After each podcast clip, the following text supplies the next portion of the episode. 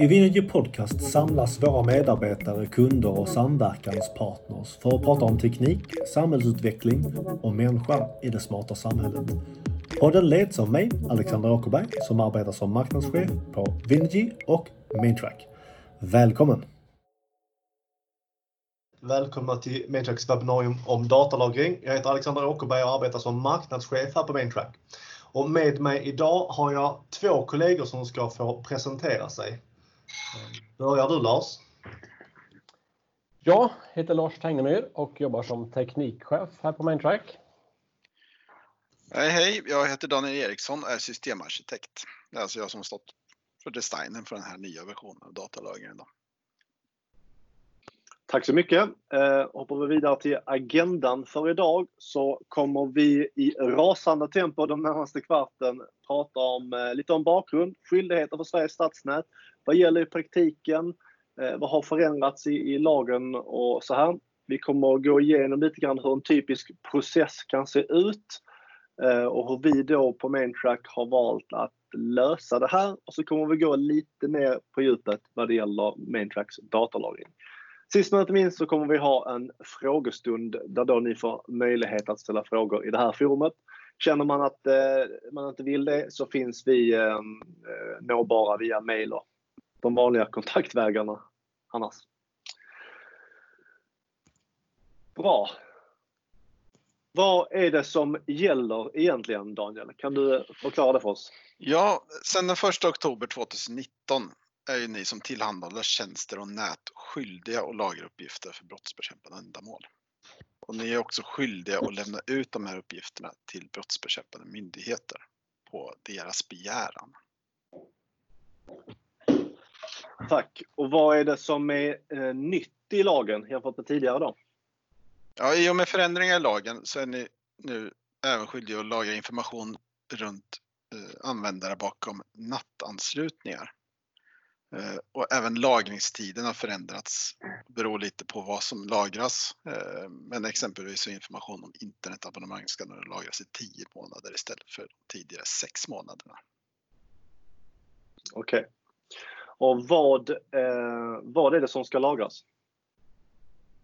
Det har inte, förutom natt, förändrats så väldigt mycket. Men det är egentligen det är uppgifter om tjänster som har levererats. Inget innehåll i kommunikationen ska lagras utan det är med andra ord som en hemlig telefonkatalog för IP-adresser som brottsbekämpande myndigheter kan begära ut uppgifter ifrån. Tack så mycket. Och hur eh, ska det här lagras, eh, Lars? Eh, ja, enligt lagen då så får man endast använda de här uppgifterna som är speciellt lagrade för myndighetsfrågor för att svara på myndighetsfrågor. Det innebär ju då att man behöver ha ett separat system för det här. Så man kan inte använda ett redan befintligt system, till exempel sitt kundsystem då för att eh, svara på de här typen av frågor. Eh, så att eh, samtidigt finns det en hel del regelverk kring det här med hög säkerhet, lagringstid och så vidare som vi kommer gå in lite mer på senare. Tack så mycket. Och hur, hur ska de här uppgifterna hanteras? Vem får göra det? Uh, hanteringen av det här ska ske av personal med särskild behörighet och personalen då ska bedömas vara lämplig efter en sån säkerhetsprövning. Och personalen ska även ha tystnadsplikt om det, så man får inte yppa vilka frågor som har ställts kring det här till någon. Dessutom sker ett, Eh, ett antal loggningar av ärendena, eh, vem som har hämtat ut uppgifter. Eh, en kontroll av den här loggen ska kunna ske också och en speciell hantering omkring det här. Dessutom ska man kunna svara på de här frågorna i princip dygnet runt. Ibland kan det vara väldigt bråttom och man ska kunna svara på väldigt kort varsel. Och man har även möjligheter då som lagringsskyldig att uppdra åt någon annan att utföra den här lagringen. Mm. Och, och, varför är datalagring så, så viktigt? Det handlar ju egentligen om att eh, vi ska bidra till ett tryggare samhälle, både för oss och för våra barn. Eh, det sker ju väldigt mycket brott idag som eh, begås via nätet på något sätt. Eh, det handlar om sexualbrott, grooming, hot, terrorism. Det kan till och med vara någon form av räddningsinsats för att skydda människor. Eh, så att stort och mångt och mycket handlar om en tryggare tillvaro för oss. Och det här handlar inte om att eh, haffa fildelar som många har misstagit därför. Det är en helt annat regelverk som hamnar där. Ja, tack så mycket för det. Och eh, det är egentligen utifrån den här bakgrunden som Maintrack har vidareutvecklat eh, vår datalagringstjänst 2.0 där vi löser det här åt våra kunder. Eh, och kan vi gå in lite djupare på hur liksom processen ser ut och eh, eh, hur vi löser det här, Lars? Mm. Kan gå igenom en liten process hur i princip en sån här förfrågan går till och hur vi på Maintrack då har löst den här tjänsten då framöver. Det börjar ju då med att någon form av brott begås utav någon skum typ, Eh, där nätet är inblandat på något sätt. Eh, det behöver inte vara att nätet har varit eh, där brottet har skett, utan det kan ju bara vara en del i en större utredning också då för att hitta pusselbitarna i det här.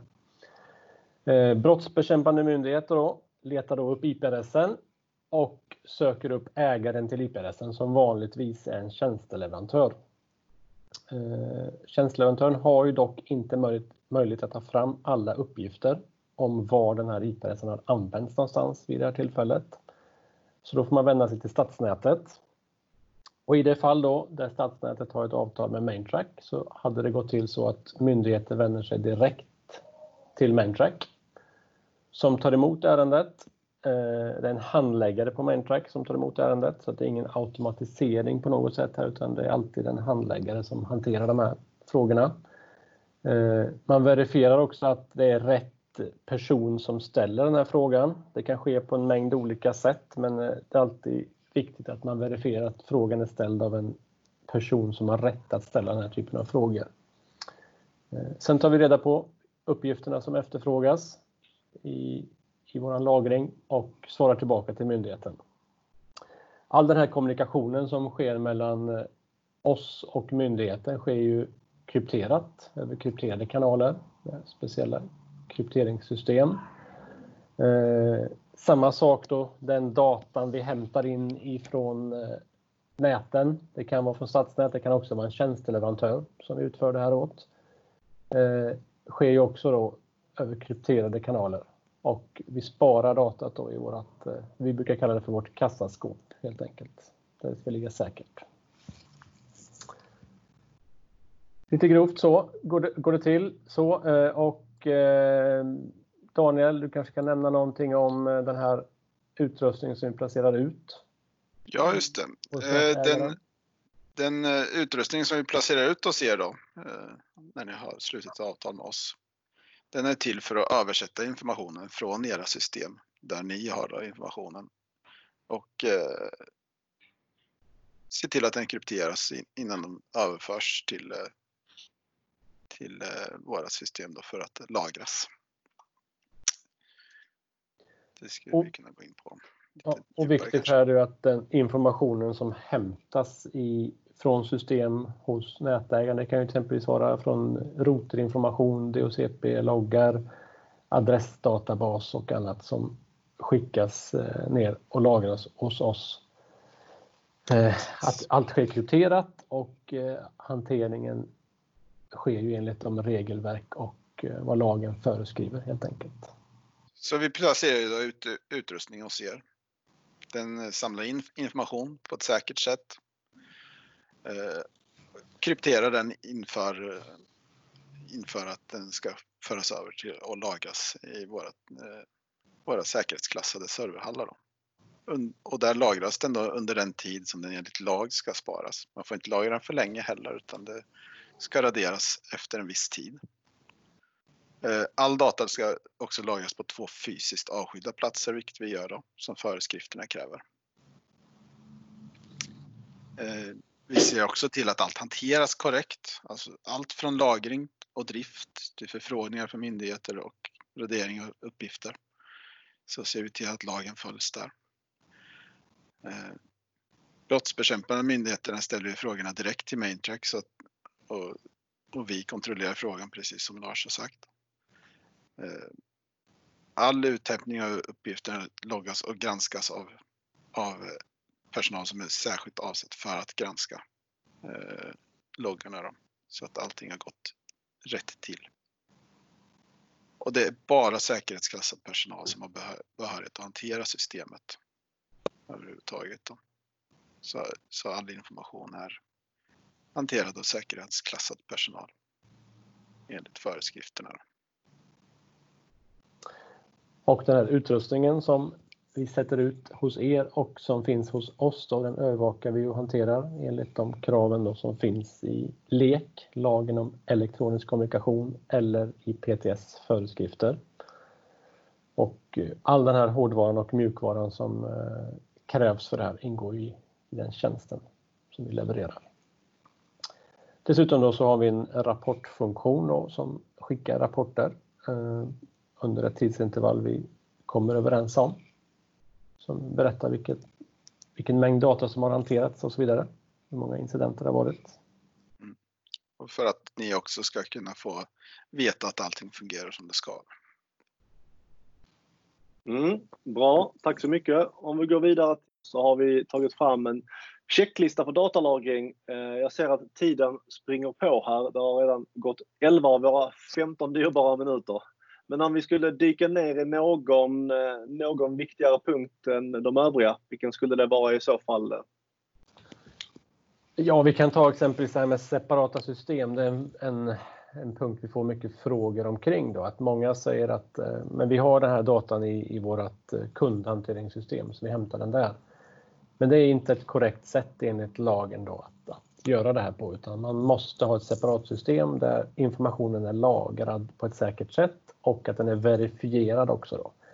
I ett kundhanteringssystem kan ju en, en förändring ha skett till exempel över tid. Om man får en fråga vad som gällde för sju månader sedan exempelvis eh, så kan ju någonting ha skett under tiden som vi inte tänker på, som inte loggas i det här systemet, i kundhanteringssystemet. Så att mm. all data vi hämtar lagrar vi ner momentant, så att säga, det som är ögonblicksbilden just då, hur det ser ut, så att vi lätt kan hitta den IP-adressen i nätet.